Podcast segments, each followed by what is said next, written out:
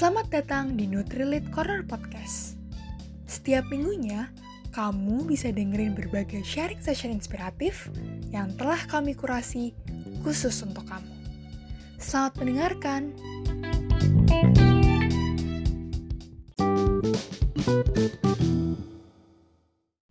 Halo Nutri Friends.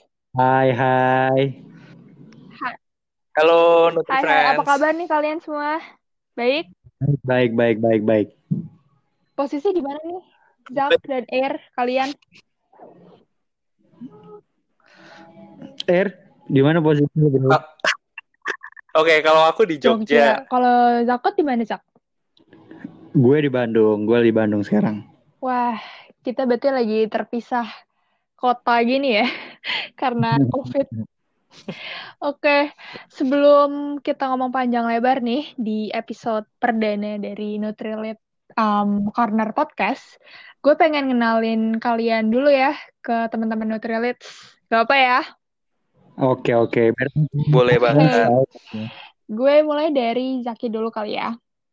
Jadi, em, Zaki itu mahasiswa lulusan Teknik Pertanian dan Biosistem dari Institut Pertanian Bogor angkatan 2015 dan Zaki juga aktif eh, terlibat dari berbagai kegiatan di himpunan em, Himateta IPB sebagai ketua himpunan. Eh, kalau dilihat dari CV lo nih Zak, em, selain jadi aktif di organisasi kampus, lo juga founder dan initiator dari berbagai social movements ya. Betul banget, bisa dibilang gitu. Nih um, gue di sini baca dari Beri Bagi Project, um, Lead Your Dream to Rise Project, dan masih banyak lagi. Apa nih yang terbaru, Zak? Um, social movements yang mungkin yang belum gue sebutin? Yang terakhir sebetulnya gue mulai sama teman gue, anak NLA juga, Yogi namanya. Nanti teman-teman Nutri Friends bakal tahu kayak gimana. Tapi itu sih yang terakhir, itu aja dulu. Hmm, I see. Oke, next kita ke Erlangga dulu kali ya. Oke, Yap, yap. kalau Erlangga itu dia saat ini seorang mahasiswa tingkat akhir jurusan teknik mesin dari Universitas 11 Maret atau UNS dan sempat exchange ke University Technical Malaysia Melaka Malaysia ya. Er ya. Yap. Em, Betul. selain aktif di kampusnya, Erlangga ini juga co-founder dan CEO dari Buka Suara Indonesia, sekaligus komisaris dari Karya Mata. Nah, Er, bisa cerita dikit nggak sih tentang Buka Suara Indonesia nih? Mungkin ada yang penasaran juga. Ya, oke. Um, halo Nutri Friends. Jadi Buka Suara Indonesia ini kita selalu menyebutnya sebagai perspektif platform. Kita ingin ada suatu wadah yang orang-orang bisa put their perspektif di situ, put their knowledge, insights di situ. Mereka bisa langsung bertukar apa insights dan perspektif mereka. Dan kita saat ini sudah satu tahun dua bulan Mhm. selama satu tahun ini kita juga berjalan sebagai uh, perspektif media. Jadi ketika media yang lain mengatakan atau mengangkat dari kata apa atau beritanya apa, kita mengangkat dari kata siapa, siapa membawa perspektif apa. Gitu kalau dibuka Wih, suara. menarik, menarik. Nah, sedangkan Hmm. kalau di kalau di Karya Mata kita ini creative agency yang mempunyai spesialisasi di bidang AR atau augmented reality gitu, I Flo. see, I see. Mungkin nanti um, detail dari um, cerita tadi kita bahas di belakangan kali ya, di pertanyaan-pertanyaan selanjutnya. yep. Nah, teman-teman dari Nutri Friends, sebelum kita berlanjut ke sesi diskusinya, aku pengen kenalin dulu sih dengan um, tema dari episode pertama Nutrilit um, Corner Podcast ini. Jadi, uh, untuk episode yang kali ini, kita spesial ngangkat Leader Creates Leaders. Wih. Ih, Familiar gak nih? Wih. Kalian familiar gak nih dengan tema ini? Banget banget. Ini kan tema kita ketika NLE tahun lalu ya, Kot ya. Bener banget cuy. Iya benar banget. Jadi emang sengaja ya untuk um, episode perdana ini kita mau agak apa ya throwback throwback dikit kali ya dengan tema um, NLA kita tahun lalu. Yang intinya uh, pesannya itu tuh ingin bilang bahwa pemimpin itu selayaknya bisa melahirkan calon pemimpin lainnya. Jadi emang hari ini kita bakal spesial ngebahas putar kepemimpinan ya. Zak Betul dan banget. Air. Yap. Alright, langsung aja deh. Em, sebelum kita mulai, ini gue kepo banget sih sebenarnya. um, dari kalian berdua nih. Kan kalian dari dilihat dari CV kalian tadi udah banyak banget ya pengalamannya. Nah, buat kalian sendiri, apa sih definisi seorang pemimpin dari kacamata Zaki dan dari kacamata Erlangga? Zaki dulu mungkin? Oke, oke. Kalau menurut gua, pemimpin itu, nih teman-teman Nutri Friends mungkin punya pandangannya masing-masing ya. Kalau dari gua pribadi, pemimpin itu karakter, karakter gimana caranya lu punya apa ya bisa dibilang ya gimana orang menilai lu lah. Itu sebetulnya jiwa kepemimpinan lu gitu. Gitu sih jelas nggak sih? Eh boleh boleh boleh. Mau nambahin lagi mungkin? Cukup cukup. Dari gue itu aja sih. Jadi karakter. Kalau er Erlangga gimana nih oke okay, uh, kalau menurut aku pribadi pemimpin ini adalah seni untuk mengkomunikasikan atau menerjemahkan mimpi dan visi gitu. Hmm. Karena uh, kalau misalkan ditarik ke pengalaman ya, eh, aku mem ketika memulai buka suara itu di awal waktu benar-benar memulai emang susah banget karena yang aku punya waktu itu hanya mimpi gitu dan bagaimana caranya supaya aku bisa men menerjemahkan mimpi ini dan mengkomunikasinya mengkomunikasikannya ke orang lain gitu sehingga kita punya tujuan yang sama punya mimpi yang sama dan mengarahkannya untuk mencapai tujuan tersebut hmm. karena menurut aku sendiri juga uh, mungkin teman-teman berbeda apa berbeda pendapat tapi kalau menurut aku senjata yang paling mematikan itu adalah mimpi dan ide hmm. seseorang bisa berubah bisa hancur bisa benar-benar semangat benar-benar berapi-api berkobar-kobar kalau dia punya mimpi gitu. Dan bisa hancur juga kalau mimpinya hancur gitu. Jadi yang mendrive kita ya apa yang meng mengarahkan kita dalam hidup ini menurut aku adalah mimpi dan ide. Dan job apa uh, pekerjaan dari seorang pemimpin atau tanggung jawab dari pemimpin itu mentranslasikan mimpi itu menerjemahkan mimpi itu dan uh, memberikannya atau me, apa ya legacy atau me, memberikannya ke uh, generasi berikutnya untuk menjadi pemimpin berikutnya. Itu sih kalau menurut aku, Flo. Menarik, menarik.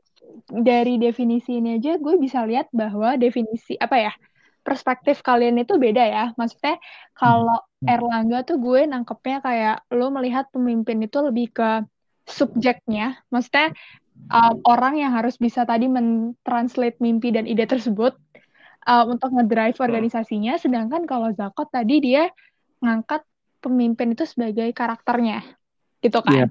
jadi kayak ke lebih nge-highlight karakter kepemimpinannya gitu kali ya Zak iya yeah, iya yeah.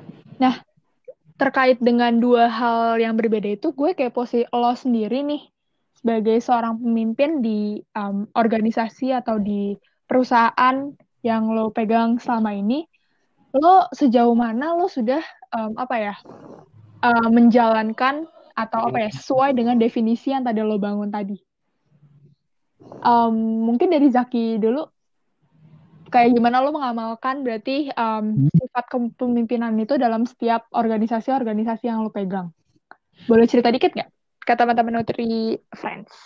Boleh banget. Jadi gini, kenapa tadi gue bilang karakter ya? Karena uh, buat teman-teman Nutri Friends biar tahu cerita gue gimana, jadi gue ceritain sedikit uh, ketika sebelum-sebelum ya pengalaman gue di berbagai organisasi baik itu kemahasiswaan atau sosial uh, sama sekali ketika memulai itu semua gue pribadi nggak punya bener-bener kayak bekal pemimpin itu apa teman-teman Nutri Friends. Mm-hmm. Nah berbekal itulah kenapa akhirnya uh, eh, gue sadar bahwa ke karakter itu eh pemimpin itu karakter dan karakter itu bisa dibangun itulah Uh, jadi karena sifat karakter kita sendiri itu uh, punya karakter kepemimpinan itu harus dibangun. Jadi uh, bersama waktu berjalannya waktu kita harus terus belajar. Kalau gue pribadi selalu uh, berpikir gimana caranya gue ngebangun karakter uh, pemimpin di diri gue sendiri dengan gue uh, belajar dengan belajar sendiri, belajar otodidak, belajar sama orang lain dan sebagainya dan itu yang akan gue terapkan ke teman-teman gue eh dan iya ya gue ke teman-teman gue ketika gue memimpin organisasi. Gitu sih. Hmm. jadi definisinya cara gue sebetulnya gue hanya mempraktekkan kehidupan sehari-hari aja selayaknya manusia normal. Karena tanpa sadar apa pun yang kita lakukan itu berkaitan banget sama kata-kata memimpin itu. Baik ke diri sendiri ataupun orang banyak kayak gitu sih. Dan itu akan berjalan terus bersama waktu prosesnya untuk jadi lebih baik kayak gitu sih Hmm. Tapi gue kepo dikit sih, Zak.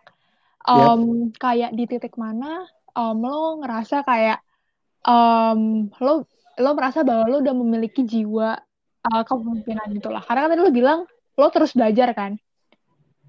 ya ya Ada kayak ada highlights tertentu nggak dalam hidup lo yang mungkin lo bisa bagikan ke kita?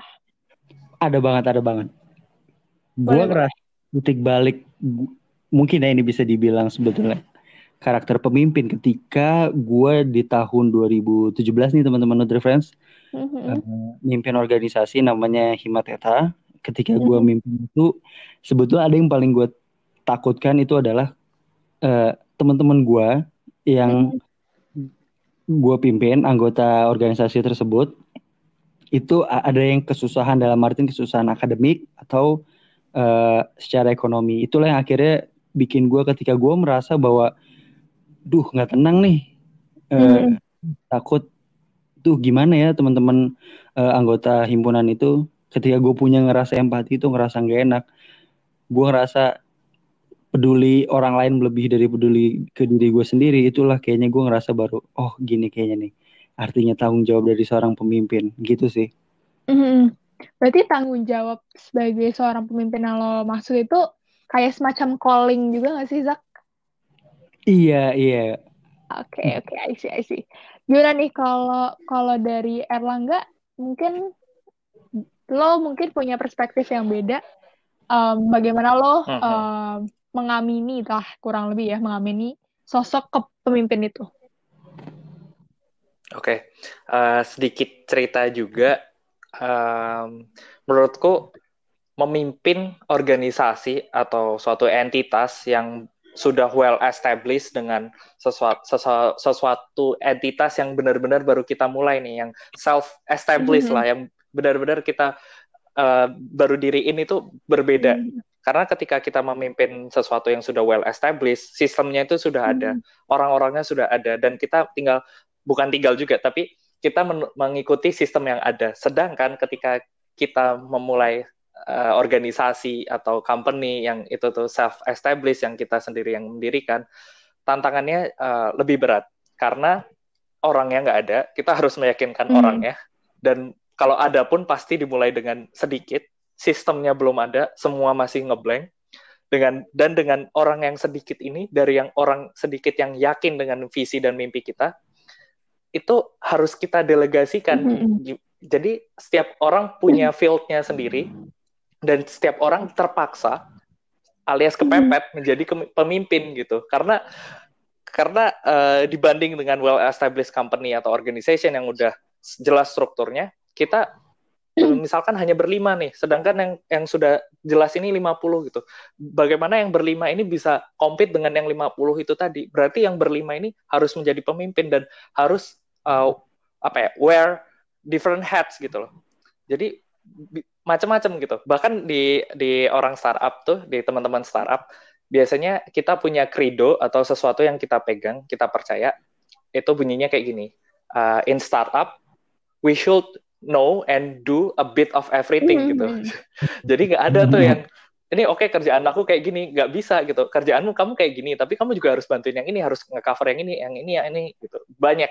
Jadi karena hal tersebut terpaksalah se- apa uh, tiap orang itu menjadi pemimpin gitu. Jadi bisa dibentuk juga dari uh, kondisi sih kalau menurut aku kepemimpinan itu. Menarik. Ini lagi-lagi ini ya eh, perspektif yang berbeda ya berarti dari kalian berdua. Yang satu em, kalau Zaki tadi lebih menekanin kalau jadi seorang pemimpin tuh ya ada callingnya lah ya, Em, calling dari situasi-situasi di sekitarnya.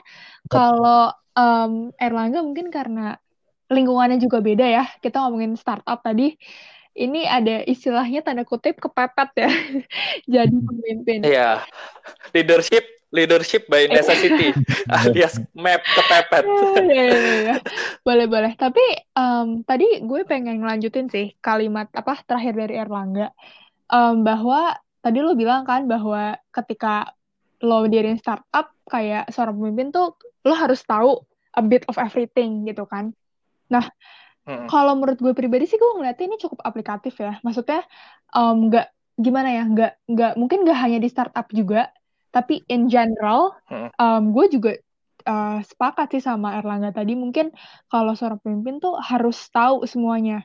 Kalau kalau yang hmm. gue lihat sih ya, um, banyak gitu ya konteks nih mungkin teman-teman kita juga atau mungkin Nutri Friends juga ada yang pernah ngerasain sering kali tuh um, so, kita ngeliat mungkin ada orang yang um, mengklaim dirinya pemimpin tapi dia tuh karena dia tidak uh, apa ya karena dia tidak mempunyai pengetahuan yang cukup gitu ya dengan terkait dengan orang-orang yang dipimpinnya itu malah ya. orang tuh jadi nggak respect gitu loh atau orang jadi atau oh, iya. jadi apa ya mislead gitu loh kayak nggak sampai visinya yes. gitu kan nah hmm. kalau menurut Erlangga sendiri menurut lo gimana nih? Apakah sebenarnya konsep yang tadi lo bilang tadi ya kutipan lo itu sebenarnya in general bisa diterapin sama teman-teman Nutri Friends nggak sih? Yes yes yes. Bisa banget bisa hmm. banget.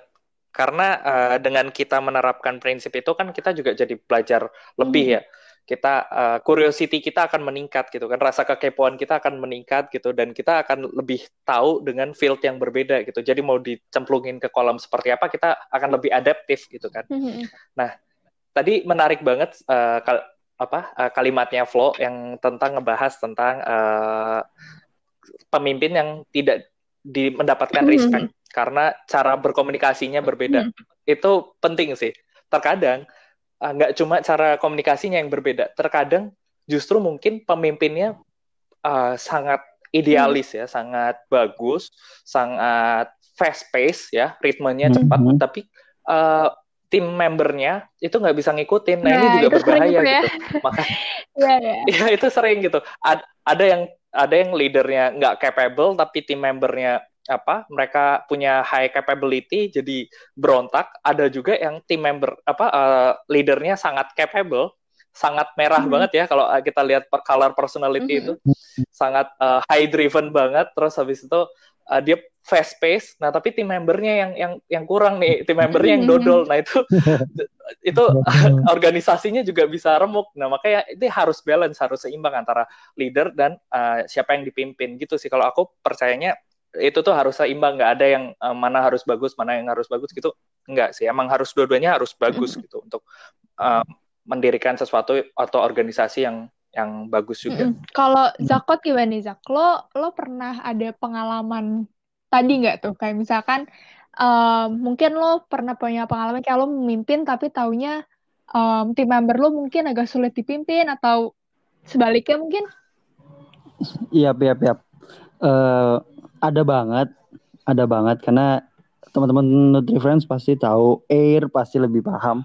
Saya juga ngerasain kan gimana kita posisi kita sebagai pemimpin biasanya nggak satu level, biasanya tuh minimal dua level lah. Dalam artian kita memimpin orang dan orang yang kita pimpin itu punya dia memimpin orang lain lagi ya nggak sih?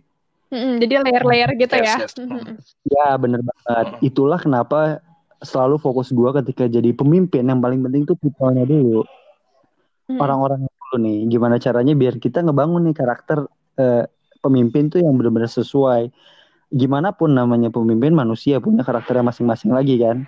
Hmm. itulah apa gue fokus banget uh, ya selalu gue bilang karakter karakter karakter. Karena ketika kita punya karakter pemimpin yang bertanggung jawab yang punya empati dan sebagainya itu akan ke mana pun uh, ombaknya, ke mana pun arahnya, menurut gue itu bakal jadi sesuatu yang konkret gitu, yang kuat.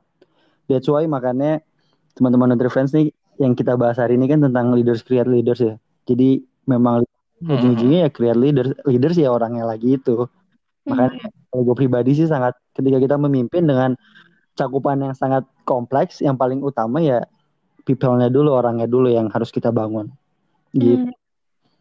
Berarti ini okay. gak sih gue sih nggak tahu ya ada satu kata yang langsung kayak pop up aja di di kepala gue ya berarti sebenarnya uh, ini gak sih lo ketika lo membangun suatu organisasi lah ya atau lo startup atau lo involve dalam suatu um, lembaga gitu ya ketika lo menjadi seorang pemimpin, lo juga penting yang namanya invest ke people-nya. So, Hmm. lo bukan cuma invest Yes. ke bagaimana lo ngebangun dan nge-establish kayak um, apa ya dari segi finansialnya lah atau dari segi strukturnya tapi juga gimana lo bisa bener-bener apa ya punya personal appro- uh, ada ya approach lah ke orang-orang yang akan lo pimpin dengan itu dengan harapan Yes. lo mungkin bisa mentrans apa ya lasikan tadi mimpi dan ide lo itu Bener banget. Hmm. Bener banget. Uh, terkait dengan konteks tersebut, gue pengen sih kalian mungkin bisa nggak ceritain um, secara spesifik gitu ya um, pengalaman kalian um, di organisasi um, atau perusahaan yang kalian punya gitu. Gimana kalian uh, usaha kalian untuk invest in in people-nya gitu. Gimana kalian mencoba membina orang lain sebagai seorang pemimpin. Ya, Siapa Gat, dulu yang mau? Eh, Sebetulnya kalau gue kalau dari eh, gue pribadi ya, Ya, ya ya. teman-teman Friends nih bakal nangkep banget contoh konkretnya tuh dari Air. Kenapa? Karena Air tuh ngejalanin buka suara dari nol dan dia menurut gue punya tim yang sangat kuat gitu walaupun kerjanya secara remote tapi udah konkret. Jadi kayaknya cerita lu bakal lebih ditangkap sama teman-teman Nutri Friends deh Air. Oke, boleh deh. Kita Mangga dulu ya. boleh, boleh. Oke, oke. Oke, berarti Hmm. aku nih. Ya. Uh, mau up sedikit apa mau nambahin sedikit tadi soal apa so- soal people-nya. Aku sempat baca di buku apa ya? Aku lupa nama bukunya, tapi ini kalau nggak salah salah satu buku yang direkomendasikan sama Pak Mardi. Teman-teman Nutri Friends, uh, Pak Mardi ini mentor kita dan uh, beliau adalah uh, CEO dari NutriFood waktu itu di buku itu sempat di mention juga uh, yang terpenting adalah tujuannya dulu atau people-nya dulu. Kalau menurut kalian apa? Tujuannya dulu atau people-nya dulu? People, people. Tuj eh Gue tujuan sih. Nah, tujuan tapi kalau misalkan di Nah, ini ini ini ini ada uh, apa? Ada gray spot Iya. area ya atau bisa ambigu juga. Awalnya aku juga ngiranya tujuan dulu karena ya kita harus tahu lah kita mau Aha. ke mana gitu kan. Baru kita ngajakin orangnya. Oh Tapi iya. menurut buku itu ternyata yang benar adalah people-nya dulu Wow, gitu. gimana tuh? if you have the right people, if you have the right people, whether it on the bus, apakah Mhm. itu di apa di dalam bis atau uh, di mana pun, kalau kalau kamu punya orang yang bagus, semua itu akan lancar-lancar aja. Mau tujuannya ke mana juga akan uh, Hmm. akan terdeclare atau terclarify kalau kita punya co- coworker yang yang yang bagus juga gitu. Dan ketika bis ini akan berganti menjadi pesawat atau menjadi kapal, selama orang-orang di dalamnya adalah orang-orang yang kompeten, perjalanannya itu akan lancar-lancar aja. Ini sesuatu yang sangat apa ya, mind blowing juga juga karena ya. aku kiranya tadinya oh kita harus nentuin tujuannya dulu, ternyata enggak. Yang pertama adalah people-nya dulu gitu. Er, er, Terus kalau misalkan ya apa karena apa karena eh, bukti nyata kayaknya nih eh, tem- startup-startup gede Google you name it lah yang gede-gede itu emang dimulai dari minimal berdua ya iya nggak sih apa karena itu polanya Um, enggak juga sih, ada yang satu, ada yang bertiga gitu. Tapi eh, startup-startup besar tuh kalau kita eh, apa ya link back atau kita lihat lagi secara keseluruhan, biasanya foundersnya kuat, sosok foundersnya kuat. Hmm, hmm, hmm. Mereka punya people yang berkompeten gitu, yang benar-benar strong di situ. Kalau kita lihat Hmm. Gojek itu ada Nadiem Makarim, kita lihat SpaceX, Tesla, SpaceX itu bahkan nggak ada iklannya loh. Yang dia jual hanya Elon Musk-nya Hmm. gitu. Karena sosok Elon Musk-nya ini sangat kuat gitu. Hmm. Terus kita lihat juga Apple Hmm. dengan sosoknya Steve Jobs. Alibaba juga ya. Dulu ketika Steve Jobs, yes Alibaba gitu, Jack Ma. Karena mereka punya sosok founders yang sangat-sangat kuat Hmm. gitu. Mereka punya the right people gitu. Hmm. Jadi eh, akan apa? Company ini emang akan jadi lebih kuat secara struktural dan lain apa lain sebagainya gitu. Nah implementasinya di pengalamanku ini ini cukup menarik deh dan random. gimana? Kalau menurut aku random banget sih. Di- Ketika aku memulai buka suara itu justru yang aku ajak adalah orang-orang yang aku sama sekali nggak kenal. Hmm. Aku nggak ngajak temen yang sebelumnya aku kenal. Jadi aku oke okay, aku punya ide seperti ini. Terus habis itu aku main mapping. Aku coba uh, apa brain map ya brain map. Kira-kira dengan ide ini tuh apa yang harus dilakukan? Uh, butuhnya apa aja? Butuh orang di field apa aja?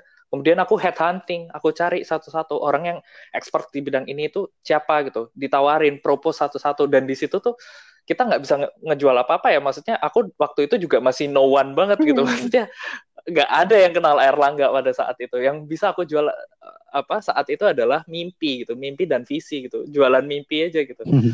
Dan nggak sedikit juga yang orang yang nolak gitu, bahkan ada yang rendahin segala macam. Teman sendiri bahkan ngatain buka suara dulu di awal-awal hmm. gitu. Uh, tapi dari orang yang uh, dari orang yang aku propose itu ada sedikit yang percaya dengan mimpi itu gitu. Dan da dan dari sedikit yang percaya ini ada yang berkeinginan untuk berkontribusi membangun mimpi ini gitu. Bahkan dulu ketika aku bikin buka suara, kita, ketika aku menginisiasi buka suara, akhirnya kita kekumpul tuh lima orang. Hmm. Lima orang ini kita sama sekali nggak kenal awalnya, dan uh, kita kenalan selama empat hari, kita intens ngebahas buka suara. Terus habis itu selama empat hari kita pergi kepisah ke keempat different time zone. Wow. itu hmm. itu ada di Jawa, terus aku waktu itu lagi exchange juga di Malaysia. Jadi Jawa, Malaysia, terus yang satu juga exchange di Melbourne. Hmm. Dan yang satu lagi ada project di Wakatobi gitu. Hmm. Jadi Aduh. kita kepisah dan selama selama itu selama kepisah di different for different time zone itu kita juga kepisah selama empat bulan gitu. Wah. Tapi luckily, uh, luckily kita uh, memang punya apa ya, punya orang-orang yang tepat lah pada saat itu. Jadi mau kepisah empat bulan dan baru kenal empat hari, alhamdulillah tetap berjalan sampai sekarang ya. Dan kita bisa memanage itu secara remote bahkan sebelum pandemik hmm. ini gitu. Makanya menurut aku ternyata oh benar juga ternyata bukan tujuan ya karena kalau dilihat dari tujuannya, tujuan dari buka suara sendiri ini tuh udah belok-belok, udah pivot lah hmm. kita nyebutnya kalau di dunia startup. Udah pivot tuh selama enam kali. Hmm. Dan baru hmm. sekarang, oke, okay, ini dulu. rigid nih kayaknya. Awalnya apa tuh dulu, kalau boleh tahu?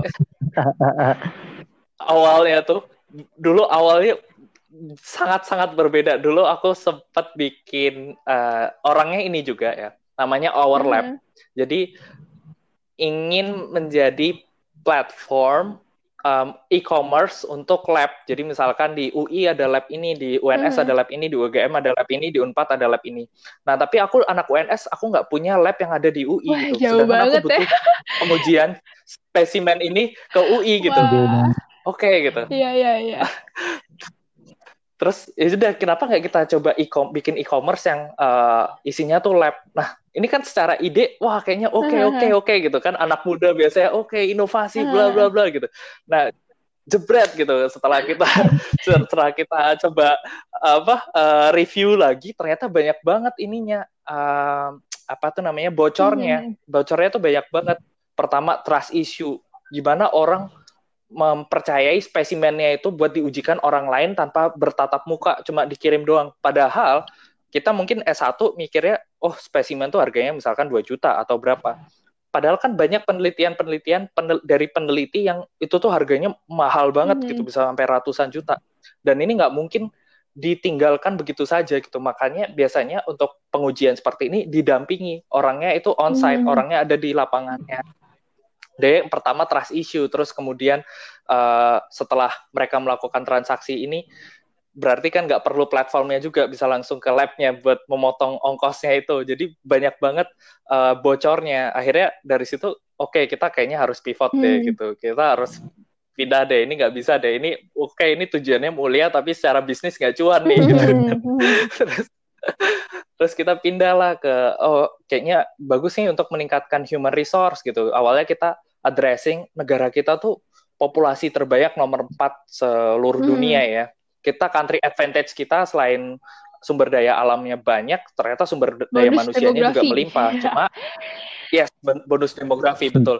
Cuman yang menjadi permasalahan adalah capability dari masyarakat kita, capability dari human resource yang ada di Indonesia ini masih butuh peningkatan hmm. gitu kan. Oke, okay, dari situ kita coba nih bikin awalnya bikin media, tapi media juga susah nih cuannya dari mana ya gitu. Oke dari sponsor konten, tapi kok susah. Akhirnya kita belokin lagi, belokin lagi sampai uh, buka suara yang sekarang ini dengan ide rigid seperti ini. Jadi benar nih kalau misalkan dilihat dari buku itu, oh ternyata benar juga ya. Tujuan tuh bisa berubah. Yang penting itu adalah orang di dalamnya gitu. Sosok foundersnya gitu. Orang-orang di dalamnya. Menurutku aku kayak gitu sih uh, code flow tapi sebenarnya kalau gue pikir-pikir gue relate banget sih.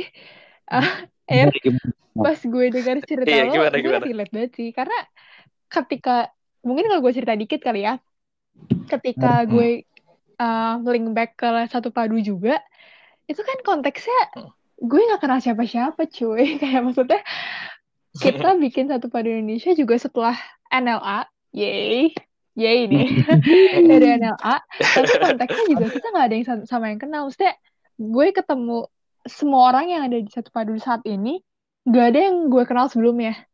Tapi ya bener kayak uh, apa ya, yang karena kita invest di people ya, ketika ada misalnya tiba-tiba eh ada eh misal ketika ada situasi tertentu karena memang orang-orang yang kompeten uh-huh. di bidang-bidangnya jadi kayak ya udah kayak nggak masalah kalau ada uh-huh.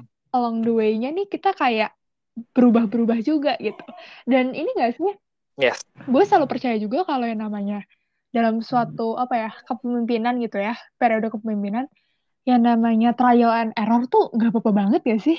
Kayak maksudnya yes, lo tuh banget. jangan pernah takut gagal gitu. Justru ketika lo gagal lo tahu lo bisa belajar gitu lo salah di mana dan itu jadi pembelajaran ketika lo nge-build yang berikutnya. Ya gak sih? Menurut yeah. kalian gimana?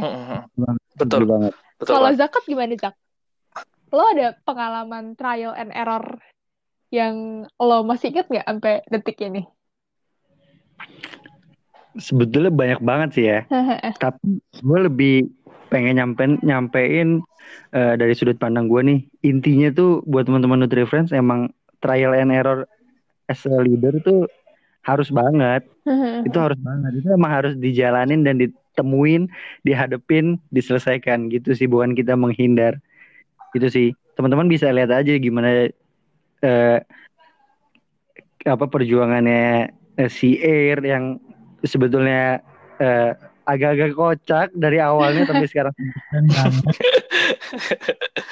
itu gue gua gue pribadi aja salut banget gitu lihat aja ya kan? Jadi memang uh, apa ya uh, itu sebuah sebuah keharusan sih as a leader buat terus moving up dengan lo trial and error kayak gitu dan dan eh sorry sorry gimana gimana Zak? kayaknya selain kita cerita cerita nih uh, Kayak gue mau nanya ke hostnya juga gak, deh? Iya gak, ya? Boleh, boleh. Boleh, kenapa boleh, boleh. kenapa? kan sebetulnya kita udah ngalamin ya asam garam, asik asam garam. Dan udah diceritain nih sebagian ke teman-teman Nutri Friends. nah, ini gak sih kayak ngasih resep eh, gimana sih uh, the way kita buat terus berkembang gitu biar teman-teman Nutri Friends nih ngerasain gitu oh apa sih maksudnya lead your dream bagi diri kita dan stepnya tuh apa sebetulnya langkah-langkahnya jadi kebayang nih teman-teman Nutri Friends tuh tahu gitu apa yang kita lakuin sekarang tentang leaders, create leaders gitu loh. Di gue nih, gue jawab yep. nih. Wah, harus dong. Gue tiba-tiba jadi ini ya, kebalik ini ya posisi kita. Kalau di ya, prank, di prank. Kalau gue sih ngerasa ini sih ketika ngomongin tentang leader ya, sosok leader. Sebelum kita ngomongin jauh, um, dalam konteks kepemimpinan kayak lo memimpin orang lain, gue selalu percaya bahwa kita harus memimpin diri kita sendiri dulu sih.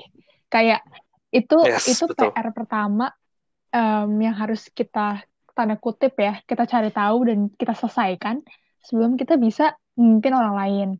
Jadi kalau ditanya resepnya apa, menurut gue yang paling pertama lo harus kenali lo karakter yang seperti apa sih? Kayak kalau kalian pasti tahu lah ya yang namanya ini ya 16 personalities. Sama sih yang yeah, yeah. ESTG gitu-gitu. Um, maksudnya dan di situ kan nunjukin ya bahwa yang namanya pemimpin tuh karakternya bisa beda-beda. Jadi kayak menurut gue yang yep, paling yep. pertama ya lo harus kenali sih lo tuh karakter pemimpin yang seperti apa. Dengan karena apa ya ketika lo tahu lo diri, diri lo seperti apa lo biasanya lo muncul kecenderungan, lo jadi tahu lo butuh partner yang seperti apa, kayak rekan kerja lo yang seperti apa. Kayak kalau gue pribadi gue ngerasa ini sih kayak di satu padu ya, gue ngerasa gue orang yang realistis. Jadi kayak kalau ada Mhm. pendekatan gue nih kalau ada masalah, gue akan ngeliat kayak ini mungkin gak ya dieksekusi. Nah, selama ini tuh gue berpikir kayak oh ya udah nggak masalah gitu loh gue gue orangnya seperti ini tapi ternyata ketika gue bersama Hatu Padu gue ngerasa gue butuh orang yang dreamer gitu yang apa yang iya yang yang punya mimpi tuh tinggi karena kayak gimana ya cuy kayak kalau lo pikir-pikir tuh dulu gue mikir kayak ada lah ya sosok ketua gue namanya Nanda nih kayak kayak ketika ketika kita ngomongin tentang target apa donasi yang terkumpul gitu ya dalam enam bulan di otak gue kayak ya kayaknya 50 juta itu juga udah oke deh kayak maksudnya dan itu juga susah nggak sih kita harus dan kondisi Iya. yang ini tuh kita nggak turun langsung ya tapi kayak penggalangan dana maksudnya lewat kita bisa gitu kan Hmm. tapi kayak Hmm. Sosok si Nanda ini yang sangat memang eh, sangat berbeda sama gue juga. Ya dia sosok yang dreamer kan. Dia ngomong kayak enggak kita Eh. 150 juta. Kita bisa kok lalala tapi kemudian Hmm. untuk mencapai tujuan itu dia minta bantu kita bantu untuk mentranslate-nya. Jadi maksudnya untuk sama-sama nge-reach-nya. Jadi kayak oke em, dia ngesat kan. Karena emang kebetulan dia apa ya kita ya dia dia punya punya visi ke sana lah. Tapi kemudian Hmm. gue sebagai pemimpin buat diri gue ya gue kemudian punya mimpi bagaimana gue bisa memajukan satu padu ini tapi dari dengan jalan gue nih kayak oke gue akan ngecek dari segi em, materinya dari kuali apa ya dari data-data yang kita sajikan gitu bahwa kalau misalnya kita bikin Yes. strategi ini tuh ada basis datanya nih nah Yep. kayak gitu Hmm. sih menurut gue langkah pertama yang harus disiapin sih jadi lo satu lo kenali lo gaya seperti apa kedua lo cari partner yang bisa melengkapi lo maksudnya ya yang bisa membangun Yes. mimpi itu sama-sama baru deh kalau misalkan itu udah dua hal itu udah kebangun menurut gue ke depannya lebih gampang sih ya nggak sih Iya, benar benar benar. gue sih Ya mikirnya betul betul gitu. betul. 100% gue setuju banget. By, by the way, by the way, teman-teman, eh, Nanda itu dia salah satu anak NLA 2019. Haha. Nanti Nutri Friends bakal tahu dia sosoknya seperti apa. Dia bakal ada di podcast ini juga. yes yes ditunggu ditunggu Betul. Sekarang bagiannya Air buat ceritain Oke. gimana nanti terus gue kembalikan ke Flow. boleh boleh boleh gue cut. Oke oke. Itu kalau misalkan menangkap, menanggapi dikit yang Flo bilang Hmm. tadi ya, bener banget. Aku setuju banget kalau kita harus knowing ourselves dulu. Karena kalau kita lihat sebenarnya di dunia ini ada yang namanya color personality. Hmm. Dan setiap orang tuh punya color personality-nya yang beda-beda. Misalkan mungkin dari yang aku dengar tadi, Flo ini lebih ke biru. Karena dia benar-benar data driven banget, benar-benar realistis dan analytical Hmm. gitu. Sedangkan Nanda ini warnanya merah, dia dreamer, terus eh, dia punya visi yang besar, tapi dia butuh mem- eh, bantuan orang untuk mentranslate visi yang besar itu menjadi sesuatu yang praktikal dan Hmm. jelas action steps-nya seperti apa Hmm. gitu. Ada juga warna kuning yang uh, lebih entertain, lebih santai, lebih fleksibel. Ada juga yang warna biru yang dia lebih suka mendengarkan, lebih suka uh, giving advice yang supportive gitu. Jadi kita harus tahu dulu, benar kata Flo, kita harus tahu dulu uh, diri kita seperti apa dan mencari coworker kita. Aku setuju di situ. Terus aku juga biasanya selalu menyampaikan uh, success is about access gitu. Hmm. Ini benar-benar selalu aku ulang berkali-kali. Success is about Hmm. access. Dan pertama kita harus define dulu. Sekarang kalau misalkan aku tanya how you define success gitu. Dari Zakot mungkin berbeda, dari Flow juga mungkin beda apa yang dimaksud dengan sukses ini Hmm. gitu. Tapi yang sama adalah akses. Sem- mau kita mempersepsikan sukses seperti apa, kalau kita cari uh, root Hmm. cause-nya itu pasti berhubungan dengan akses Hmm. apakah itu akses ke mentor, akses ke knowledge ya, akses ke pendidikan, akses ke informasi, akses ke market, akses ke kesehatan, apa pun itu semua berhubungan dengan akses. Nah, kita tentukan dulu akses mana yang mau kita dapatkan dan kemudian jalani aja dan along the way akses itu akan makin terbuka lama kelamaan dari satu pintu ke pintu yang lain ke pintu yang lain ke pintu yang lain we never know Hmm. gitu ya kalau misalkan kita link back lagi dengan obrolannya Flow tadi, trial and error. Bener banget itu trial and error. Pertama kita uh, define ourselves, terus kemudian jalanin aja dan uh, ya mengaplikasikan uh, trial dan error itu. Ada satu cerita, waktu itu aku sempat ketemu Belva Devara. Hmm. Terus aku tanya ke Belva, Mas Belva, uh, how how do you know that you are tapping the right market eh the right partnership aku bilang kok bisa sih apa ruang guru muncul di TV hmm. gitu kok bisa ruang guru bisa uh, apa ya, leapfrog atau melompati yang lain hanya dalam waktu 5 sampai 6 tahun gitu. Padahal ada banyak edutech yang lain yang udah established 10 tahun, 15 hmm. tahun gitu. bahkan dari luar negeri dan mereka worldwide. Sedangkan ruang guru ini pada saat itu uh, nationwide only gitu. Kenapa bisa hmm. leapfrog mereka ini gitu? Kok bisa tahu partnership yang tepat seperti apa? Terus jawabannya dia adalah kita nggak tahu gitu. Kita sama sekali nggak tahu. Justru karena kita nggak tahu, kita trial dan error semuanya. Kita nggak berasumsi. Kita nggak pernah tahu kalau misalkan ternyata di TV itu uh, apa oke okay, gitu, atau kita mengajak influencer yang ternyata dia gamer tapi ternyata conversion rate-nya dari situ banyak banget orang yang masuk ruang guru hmm. dari gamer itu. Padahal kan ini sesuatu yang kontradiktif ya. Mungkin secara natural kita mikirnya ngapain uh, kita pakai influencer yang ini edutech tapi influencernya hmm. gamer gitu kan. Just no limit kan gamer. Hmm. Ini kan sangat kontradiktif tapi karena Belva tidak berasumsi seperti itu, Mas Belva tidak berasumsi seperti itu, dia melakukan aja dan akhirnya oh ketemu nih resultnya. Setelah kita lakukan, oh ternyata begini loh baru dari data yang kita punya ini kita tentukan kita struktur lagi apa kita tata lagi uh, kita harus tapping partnership yang mana tapping market yang apa gitu. Yes. Gitu sih kalau dari hmm. aku. Menarik menarik. Jadi sebenarnya ini gak sih Er yang gue tangkap sih kayak intinya lo set your goals dulu lah di awal ketika udah established ya. Tapi kayak along the way ya be flexible with it gitu. Lo nggak tahu yes. kayak pintu mana yang akan kebuka dan kadang-kadang yang apa ya accidental gitu yang ini gak sih yang berhasil gitu ya. Iya betul. Yang kayak tiba-tiba aja gitu. Bener sih, gue setuju banget. Gue pengen ini sih, karena tadi mungkin gue udah cerita juga tadi karena ditanya mendadak ya. Erlangga juga udah banyak cerita. gue pengen nanya Zakot nih. Iya, iya. Kan gue kalau ngeliat dari Mas si Velo tadi dan cerita, misalnya perkenalan di awal, lo juga banyak sempat initiate beberapa social movements gitu ya.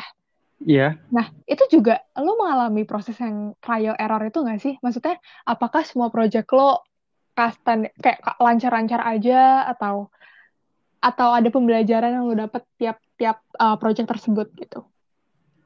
Sejujurnya kalau dibilang gagal kayaknya banyak deh. gimana gimana tuh? Tapi entah kenapa, entah kenapa gue pribadi itu uh, uh, gini ya gimana ya bilangnya. Ini biar uh, sejujurnya aja gue ngerasa ya walaupun banyak uh, kayak pertama nih ketika kita beda dari orang yang lain kayak tadi si akhir mulai dari uh, awal buka suara diremehin sama teman terdekat teman-temannya sendiri ya kan hmm. terus itu pun gue yakin Flo juga pernah ngerasain hal yang sama gue pribadi tuh sangat merasakan itu hmm. uh, tapi baik lagi ya tadi kalau gue pribadi nih resepnya uh, gue punya satu purpose di mana yang uh, satu hal ini tuh ketika gue ngejalanin apa pun kondisinya apa pun tantangannya itu gue uh, menikmati dan gue ibaratnya apa ya satisfied lah mm. oh, mm. gitu loh jadi dan itu purpose gue pribadi itu kalau gue pribadi nih Nutri Friends gue purpose uh, life purpose gue tuh uh, gimana caranya gue bermanfaat buat orang lain terus building jadi gue sangat suka untuk sharing untuk ngebantu teman-teman atau orang lain siapa pun itu uh, untuk menjadi versi terbaik dari dirinya sendiri kayak gitu sih. Jadi sebetulnya nih kalau di garis benang merahnya dari apa pun yang gue lakukan organisasi, ikut hmm. NLA dan sebagainya itu ya ke life purpose gue bi buat bikin orang tuh jadi lebih baik lagi yes. kualitas dirinya jadi dia bisa merasakan hidup lebih baik kayak gitu sih dan yang kedua resepnya adalah gue punya waktu sehari 24 jam itu gimana caranya gue ngejalanin uh, yang terbaik jangan sia-siain waktu itu dengan menjalani uh, gimana caranya nih apa pun celahnya gue bisa nerapin life purpose gue kayak gitu sih Hmm. gitu Hmm. Kalau dengar jawaban Zakat tadi tuh ini udah nyinggung tema kita banget ya hari ini ya. Bahwa ket- ini kayak dengan dengan lo apa ya berusaha untuk karakter buildi- building tadi ketika lo berusaha untuk melakukan yang terbaik buat orang lain. Sebenarnya yang lo kerjakan itu juga sebenarnya lo ingin menciptakan pemimpin-pemimpin lain gitu nggak sih Zak? Yang harapannya lebih bagus lagi gitu dari lo. ya harapannya sih seperti itu Hmm, Kalau Erlangga gimana Er? Ini mungkin karena tadi kita udah bahas tentang kepemimpinan ya. Ngelihat waktu kita udah semakin tipis. gue mau ya kayak gue pengen coba narik ke tema kita hari ini sih tentang leader creates leader study. Kan tadi kita udah belajar ya tentang um, bagaimana menjadi seorang pemimpin, um, prosesnya, uh, trial and error dan sebagainya. Nah, lo sendiri juga orang yang percaya nggak sih bahwa seorang pemimpin yang baik itu adalah ketika dia bisa melahirkan penerus-penerusnya. Yes, betul banget. Jadi selama leadership experience aku, baik di Buka Suara atau di mana pun, aku sempat ada, eh bukan sempat, maksudnya selalu ada proses pembelajaran. Dan aku sempat salah dan ngerasa, oh oke harusnya nggak kayak gini. Jadi salah satu yang menjadi kelemahan aku itu adalah or aku orangnya perfeksionis Mhm. gitu. Jadi aku selalu set the high bar gitu loh. Selalu tinggi, eh, nggak boleh pokoknya standarnya harus gini gitu. Kalau nggak achieve segini, nanti dulu ulangi lagi, ulangi Mhm. lagi gitu. Nah, ter- terkadang perfeksionis ini nggak baik. Mhm. Yang aku rasakan ini nggak baik karena tim member kita bisa burn out gitu, kayak bisa stres ini maunya kayak gimana sih gitu kan. Kadang bingung juga gitu. Dan ketika kita terlalu perfeksionis, berarti kita tidak mempercayakan itu ke orang lain dan ak- akhirnya ngerepotin diri kita sendiri. Jadi waktu di awal-awal tuh aku sering nge-set target tinggi, kemudian kalau misalkan nggak achieve, aku kerjain sendiri Mhm. gitu. Wait, akhirnya resultnya aku kecapean sendiri Mhm. gitu, karena karena pe- apa perfeksionis yang harusnya nggak perlu Mhm. gitu. Dan dari situ along the way akhirnya aku belajar, oh kalau kayak gini tim membernya juga nggak ha- apa happinessnya nggak fulfill gitu, mereka kerjanya jadi angot-angotan, jadi males, dan aku juga capek sendiri. Oh berarti aku harus belajar mendelegasikan tugas gitu. Dengan kita mendelegasikan tugas, itu maksudnya kita mendelegasikan rasa kepercayaan kita Mhm. juga. Rasa rasa kepercayaan ini Yap, yap. bisa di-convert menjadi uh, kepemimpinan gitu. Jadi melatih mereka juga untuk menjadi seorang pemimpin gitu. Jadi pressure-nya nggak hanya di kita, tapi dibagikan, didistribusikan gitu supaya semuanya sama-sama sama-sama sen- apa ya, sama-sama nggak ribet, nggak berat gitu.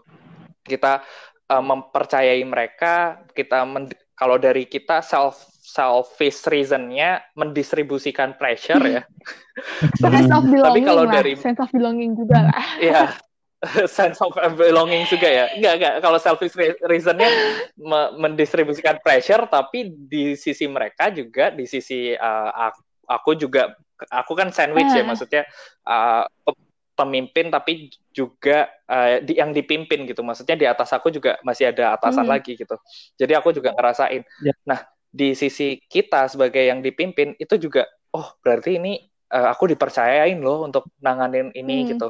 Oh, aku dipercayain untuk ngehandle ini loh gitu. Dari situ sense of belongings-nya juga akan meningkat Hmm. gitu. Dan kita akan saling bersatu padu Widih, menjadi satu entitas yang langsung baik. gitu. gini gue. Gitu sih Flo. Menarik ya pembicaraan hari ini. Mungkin kalau sebelum kita akhiri kali ya, karena um, keterbatasan waktu juga, gue pengen ngerangkum sedikit kali ya um, terkait dengan um, yang kita bahas hari ini. Boleh ya, Oke, Zak dan boleh bang. Boleh, boleh. Oke, jadi um, sebelumnya ketika kita ngomongin tentang leader creates leaders, um, tadi kita coba untuk ngedefine dulu sih um, tentang definisi pemimpin buat masing-masing dari um, kedua narasumber kita. Um, Erlangga tadi sempat bilang bahwa seorang pemimpin itu adalah sosok yang bisa menerjemahkan mimpi dan um, ide tersebut ke uh, tim membernya gitu kan, yang di mana itu kemudian yang ngedrive organisasi untuk terus maju. Sedangkan kalau Zaki melihat bahwa itu adalah sebuah karakter gitu kan. Bagaimana karakter ini, karena ini karakter, maka sifat kepemimpinan itu atau menjadi seorang pemimpin itu adalah by experience, sesuatu yang bisa dibangun, yang bisa kita terus belajar, dan in the end kita tahulah ah, kita bisa mencapai results tersebut. Nah, yes. tentunya ketika menjadi uh, pemimpin itu kita nggak bisa lepasin dari konteks bahwa kita nggak cuma sendiri gitu ya, tapi lebih besar lagi kita juga ada orang-orang yang di sekitar kita yang bekerja bersama gitu kan, yang support kita. Dan di situlah kita penting kemudian uh, bagaimana kita bisa membawa atau merangkul um, orang-orang tersebut untuk bergerak bersama gitu ya. Kalau tadi terakhir um, Erlangga sempat bilang bahwa um, kadang tuh jadi seorang pemimpin bukan berarti harus dikerjain sendiri ya. Bukan segala sesuatu tuh oke okay, harus perfect sesuai dengan standarnya sendiri. Tapi yang penting adalah bagaimana itu bisa dibagi sesuai dengan porsinya untuk nggak cuma ngebentuk sense of belonging aja, tapi juga bagaimana mereka bisa berkembang menjadi versi lebih baik dari dirinya masing-masing. Gitu ya. Nah, hmm. um, beberapa catatan kecil gitu yang selama diskusi ini juga bagaimana bahwa yang namanya seorang pemimpin itu apa ya menjadi seorang pemimpin yang berhasil ya itu juga bukan proses yang sekali aja tapi butuh yang namanya proses trial and error. Jadi jangan pernah hmm. takut hmm. untuk coba karena siapa tahu ada pintu-pintu lain yang kita nggak pernah prediksi terbuka itu ternyata jalan untuk mencapai kesuksesan yang kita pengen. Itu sih kurang lebih yang bisa yep, yep. didapat. Ternyata insightful juga ya malam ini. Iya, yeah, beyond expectation juga ini. Kita ngobrolnya deep banget malam yeah, ini. jadi ternyata hmm, ketika kita ngomongin kepemimpinan itu menarik banget ya teman-teman uh, semoga teman-teman dari Nutri Friends juga bisa apa ya sama-sama belajar dan mungkin kalau mau um, sharing dan sebagainya juga semoga ada kesempatan ya di di lain um, episode. Nah sebelum kita tutup yep, yep. Um, sesi episode pertama hari ini, one last question nih buat Zaki dan Erlangga kalian ada pesan-pesan terakhir gak nih untuk Nutri-Friends di rumah? Biar tetap semangat dan terus mengasah kemampuannya sebagai seorang pemimpin. Erlangga dulu mungkin?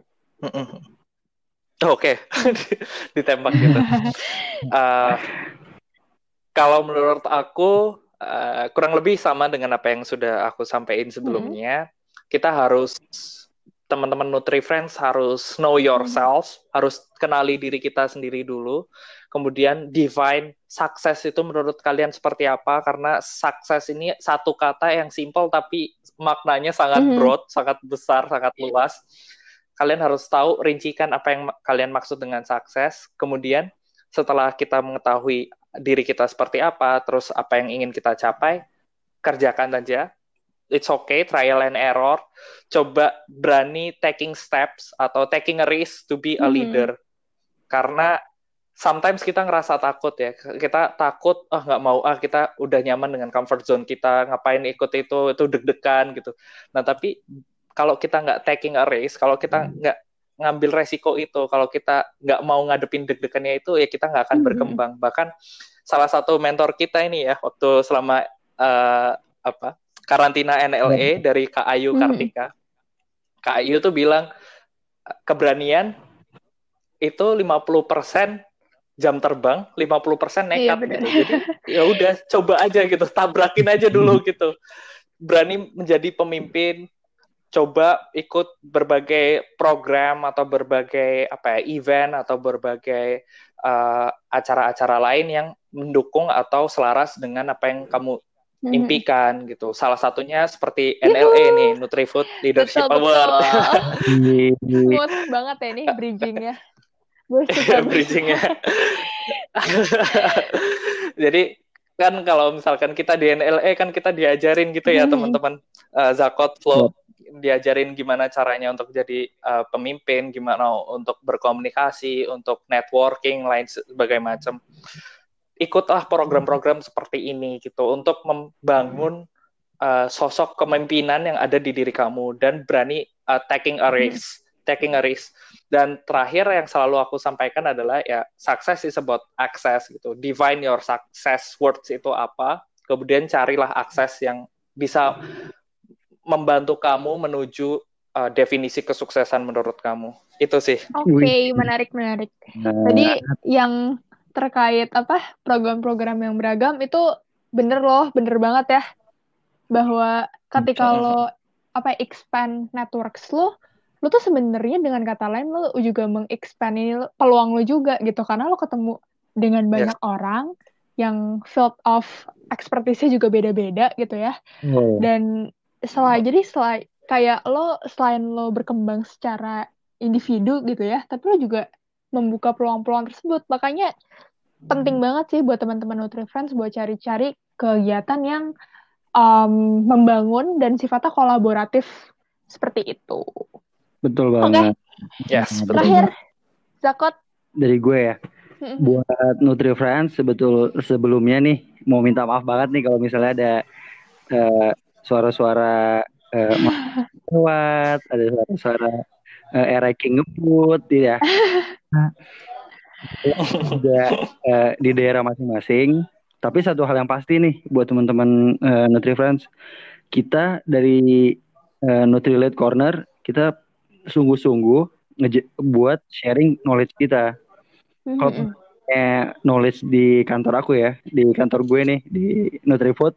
Uh, Iya, branding dulu branding. Iya, titipan Pak Mardi. Oh bukan ya. Jadi um, knowledge itu itu teori ditambah experience itulah jadi knowledge dan itu yang akan kita sharing.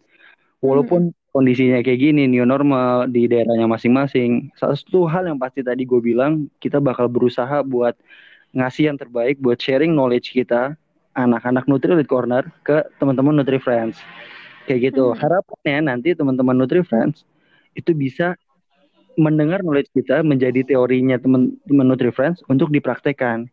Nanti hmm. teman referensi bakal ngejalanin, bakal nge-experiencing, nanti bakal jadi knowledge lagi dan harapan kita juga tujuan dari Nutrilite Corner ini dan di topik kali ini buat teman-teman bisa leaders create leaders kayak gitu. Oke? Okay? Mantap. Oke. okay. Um, kurang lebih itu aja sih yang mau disampaikan di episode kali ini. Um, gue mau pasien saya lagi, Erlangga Zakot ada mau ditambahin? Atau cukup? gue mau thank you sih buat kalian berdua. Bisa sharing. Oke. Okay, uh, thank you buat ya, semuanya. Ya, thank you juga buat teman-teman Nutri Friends yang lagi dengerin ini. Oh iya, bener banget ya. Sampai kasihkan gitu Semoga ya. semoga bisa diimplementasikan apa yang didapat uh, hari ini dan semoga bermanfaat juga gitu. Let's say amin ya. to that. Oke okay deh, kalau seandainya nggak ada yang mau ditambahin juga dan berhubung um, tadi juga udah pada thank you thank you, gue pengen ngucapin sekali lagi terima kasih buat Zakot dan Erlangga karena di episode pertama ini kalian udah banyak sharing tentang um, sosok pemimpin dan leader creates leader study. Semoga teman-teman Nutri Friends di rumah itu juga bisa sama-sama belajar kayak kita ya, kayak hari ini. Bener banget. Terakhir, yep. stay, stay stay safe semuanya. Um, kita masih COVID, jadi semoga uh, pandeminya cepat berakhir dan setiap minggunya Amin. kita bakal sharing pengalaman pengalaman-pengalaman seru dari teman-teman NLA lainnya yang semoga uh, bisa bermanfaat untuk kita semua. Oke deh. See you semuanya. So excited. See you. See you. Thank you everyone. Thank you Nutri Friends. Sampai jumpa di episode berikutnya. Yep. Dengerin nih. Bye.